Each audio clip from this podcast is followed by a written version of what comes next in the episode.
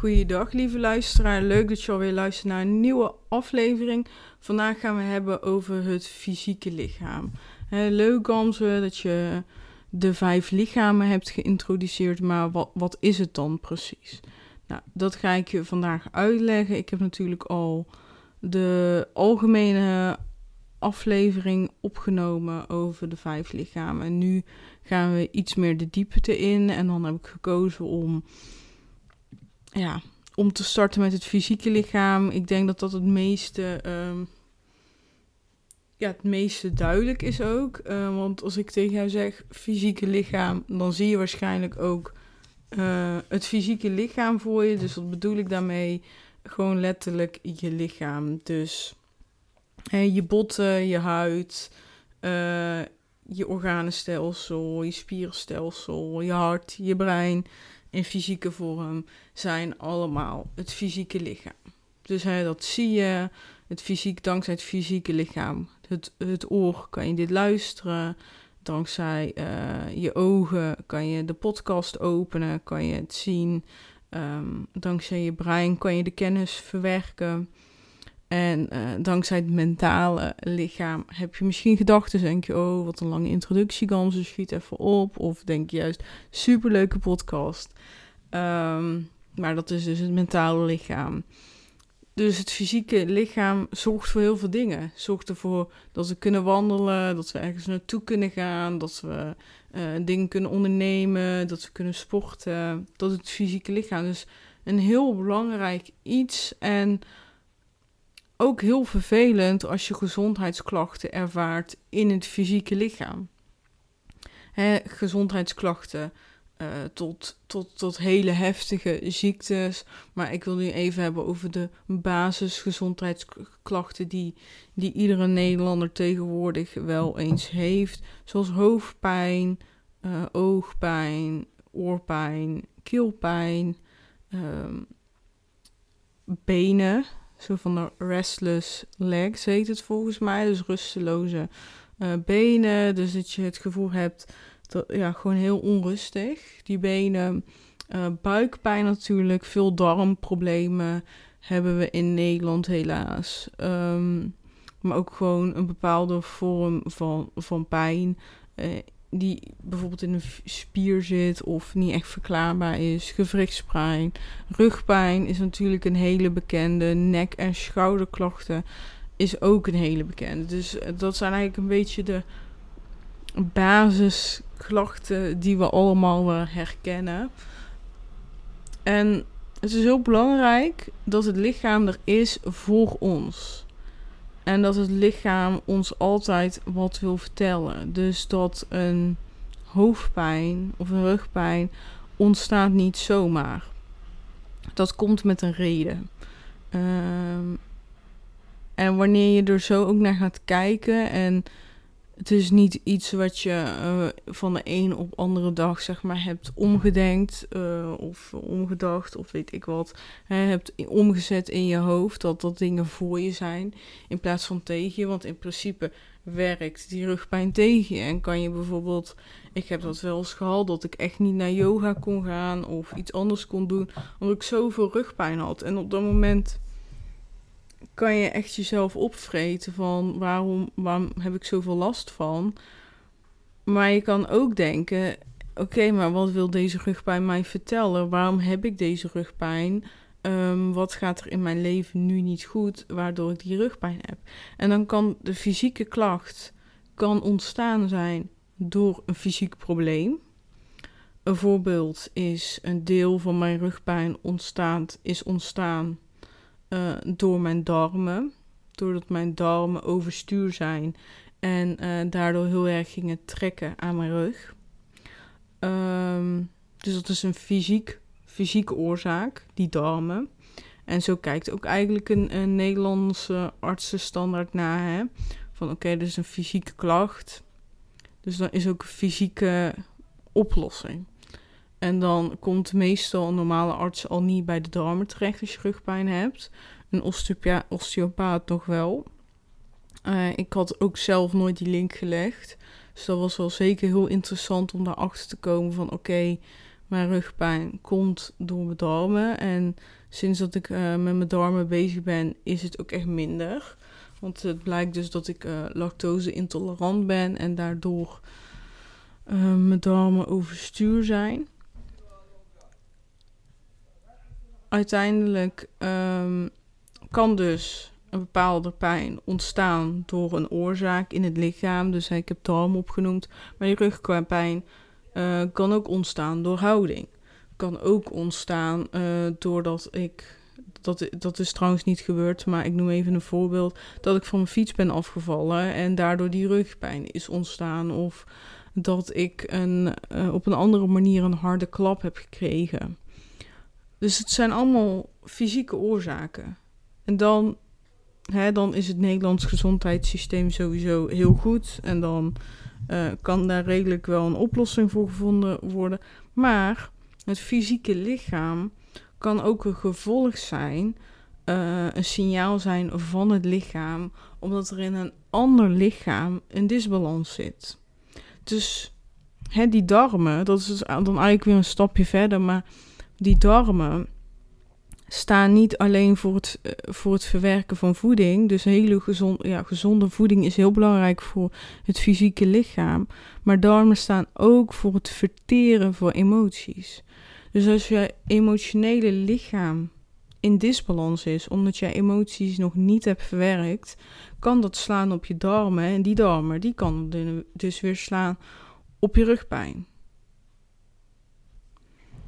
Um, dus dan kan het heel goed helpen dat je met voeding, gezonde voeding, heel erg uh, daarop gaat letten en misschien meer bewegen uh, en dat soort zaken. Maar dan kan het, de rugpijn misschien nog steeds niet volledig weg zijn, omdat juist de kern zit in die emoties. Maar dus een fysieke klacht kan het gevolg zijn van een ander lichaam wat uit balans is. Dus hè, dan kan je denken aan emoties, uh, kan je denken aan uh, mentale uh, zaken, dus aan bijvoorbeeld belemmerende overtuigingen, dus overtuigingen die jou in de weg staan in dit leven en ehm, waar je eigenlijk een beetje tegen vecht. En dan kan dus weer het gevolg zijn dat je fysieke klacht gaat hebben. Bijvoorbeeld stress. Stress is natuurlijk iets fysieks, maar ontstaat eigenlijk in het mentale lichaam. Want in jouw hoofd heb jij stress. Jij hebt bepaalde gedachten en die creëren stress en die uiten zich in het fysieke lichaam doordat er bepaalde hormonen aangemaakt worden. Maar in principe is stress gewoon mentaal, want waarschijnlijk weet je het als je in een werkomgeving kijkt, heb je meerdere collega's die ongeveer hetzelfde moeten doen, maar de ene ervaart heel veel stress bij die taak en die andere niet. Wat is het verschil? Het mentale onderdeel, hoe zij met die stress omgaan. Kijk, als wij uh, bij, als er voor jou een leeuw voor je neus staat en bij mij ook, dan ervaren we echt wel hetzelfde stress. Want we denken, oké, nu zijn we dood. Maar juist die moderne uh, manier van stress hebben, daar zit het verschil in.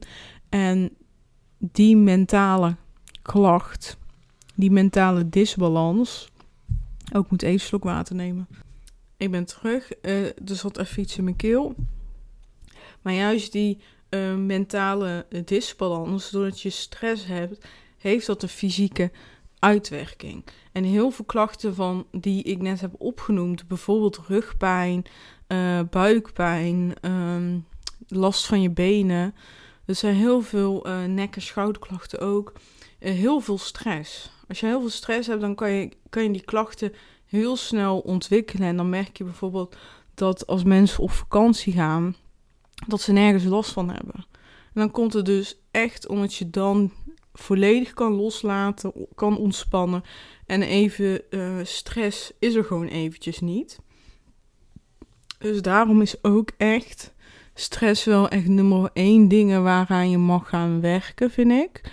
Um, van hoe kijk je naar stress? Ik heb zelf bijna niet stress, geen stress op het werk. En dat is zo ontzettend fijn. Ik heb gewoon soms wel wat drukker en dan denk ik, oké, dan werk ik gewoon een half uurtje, drie kwartier langer. Prima, haal ik op een andere dag weer in. En dan heb ik totaal geen stress en dan komt het ook wel goed. Um, Dus ja, dat, dat, is, dat is dus een koppeling. Dus het is goed om te beseffen, we hebben het fysieke lichaam. Heel belangrijk onderdeel. Ehm, en het fysieke lichaam is wel eigenlijk de grootste doorgever van de disbalans. Dus eigenlijk alle klachten, uh, alle disbalansen in andere lichamen zie je veel terug uh, in de vorm van een fysieke klacht. Dus het lichaam is een het lichaam, fysieke lichaam is een mooie doorgeefluik. In andere lichamen is een disbalans. Dus dat is een hele mooie om altijd te beseffen van oké, maar is deze klacht, waar komt deze klacht vandaan? Is het, komt het uit het fysieke lichaam? De uiting is in het fysieke lichaam, maar ligt de oorzaak ook in het fysieke lichaam? Of moet ik juist meer kijken naar mentaal, energetisch en andere dingen? Dus als ik kijk naar mijn rugpijn, weet ik zeker, oké, er zit sowieso een fysieke darm en houding waar ik aan mag uh, werken. Maar ook wellicht emoties die ik mag, uh, aan mag werken. Maar ook energetisch met chakra 1 en 2 zit daar ook zeker een verband bij. Dus daar zit ik dan ook naar te kijken. Dus ik kijk dan ook weer heel erg breed. En dan merk je juist door van alles wat te doen, dat dan een klacht uh, sneller uh, kan herstellen.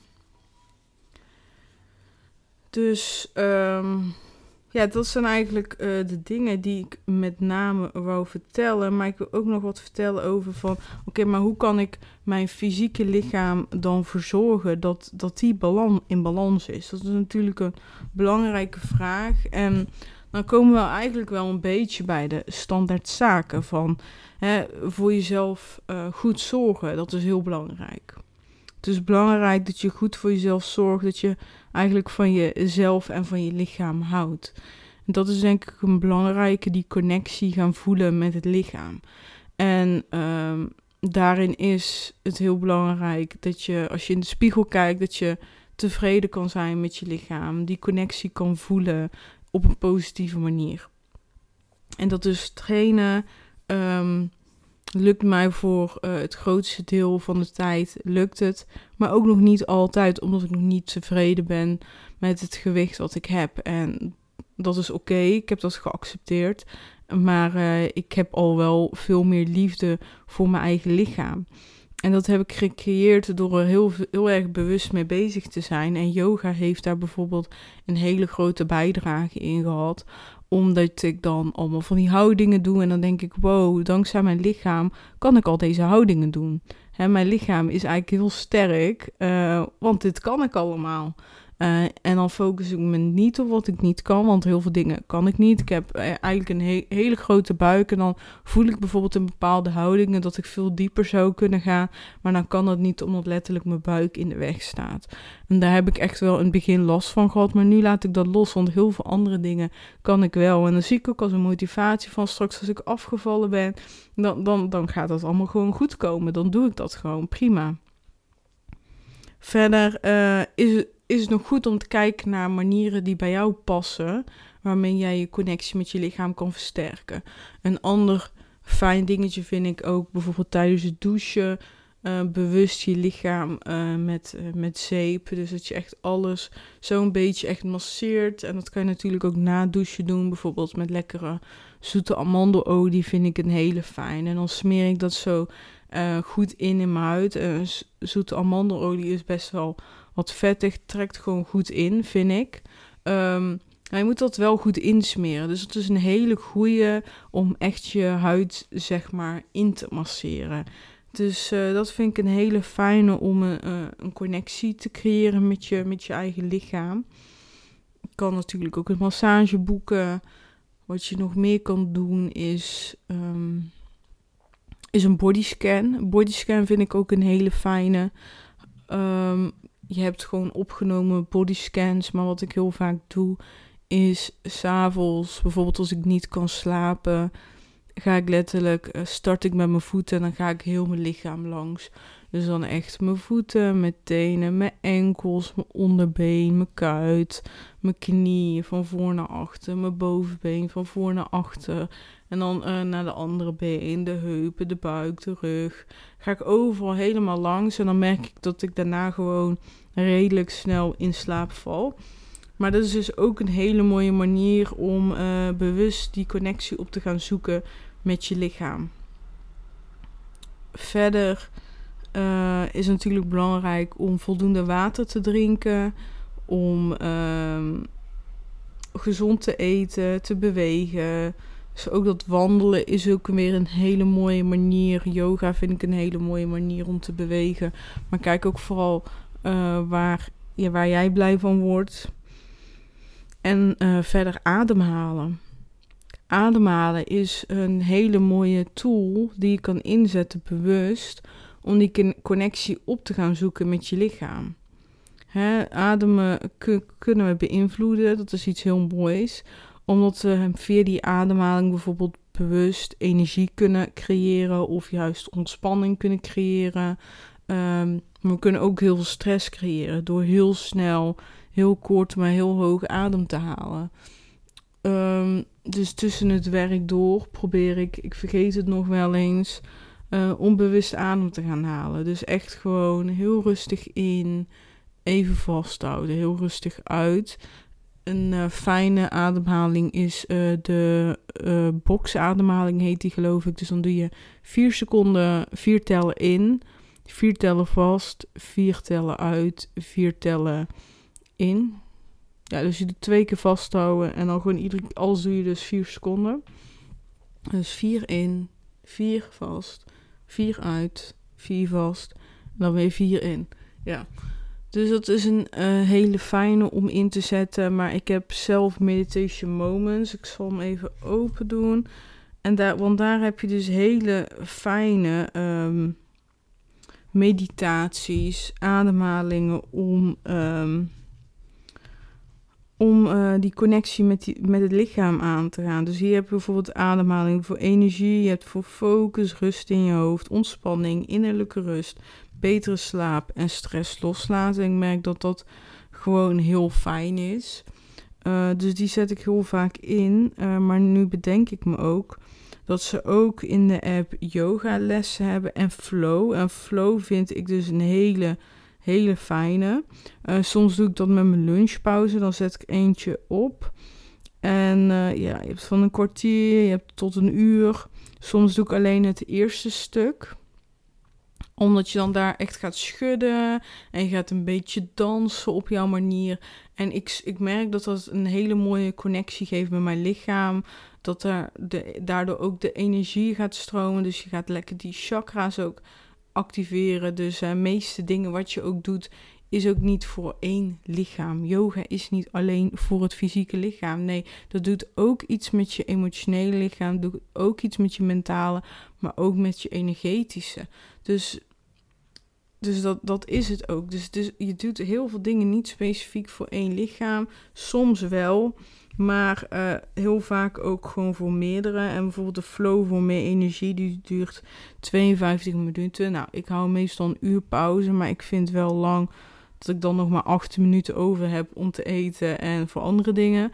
Dus ik doe bijvoorbeeld die flow voor meer energie. En dan doe ik eigenlijk tot dat zij die ontspanning gaat pakken. Omdat ik denk, die ontspanning, dat moment, dat doe ik gewoon op mijn eigen manier. Uh, aan het einde van de dag, na mijn werk of zo. Maar ik wil juist tussen de lunchpauzes even die energieboost creëren, zodat ik daarna weer lekker doorkom.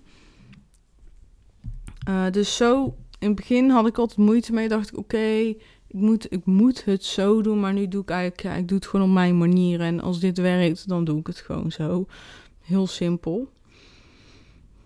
Uh, maar dus die flow sessies is ook echt wel fijn. Dus die app die kan je volgens mij 10 dagen gratis proberen. Zeker een aanrader.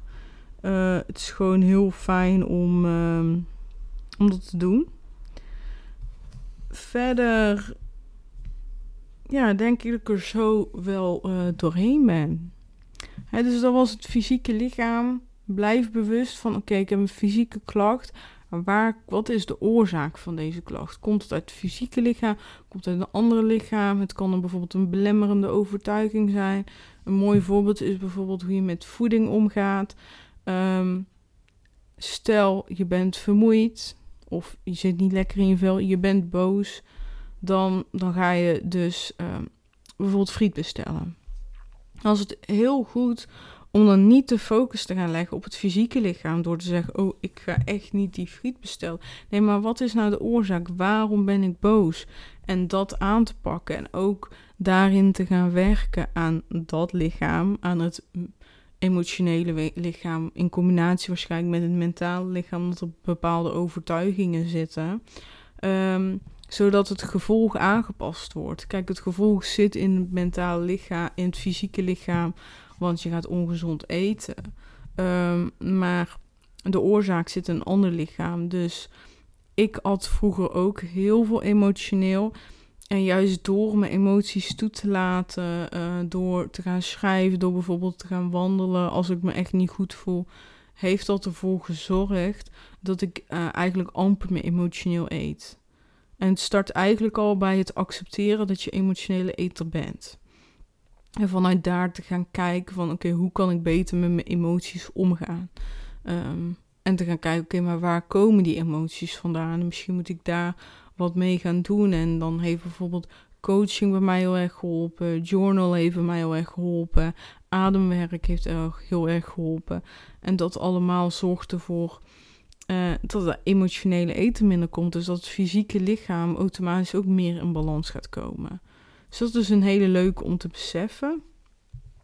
Als je nog vragen hebt hierover, stel ze, stuur mij gewoon een berichtje via Instagram en dan ga ik het zeker beantwoorden. En wie weet beantwoord ik het, ik het wel in een podcast als je dat leuk vindt.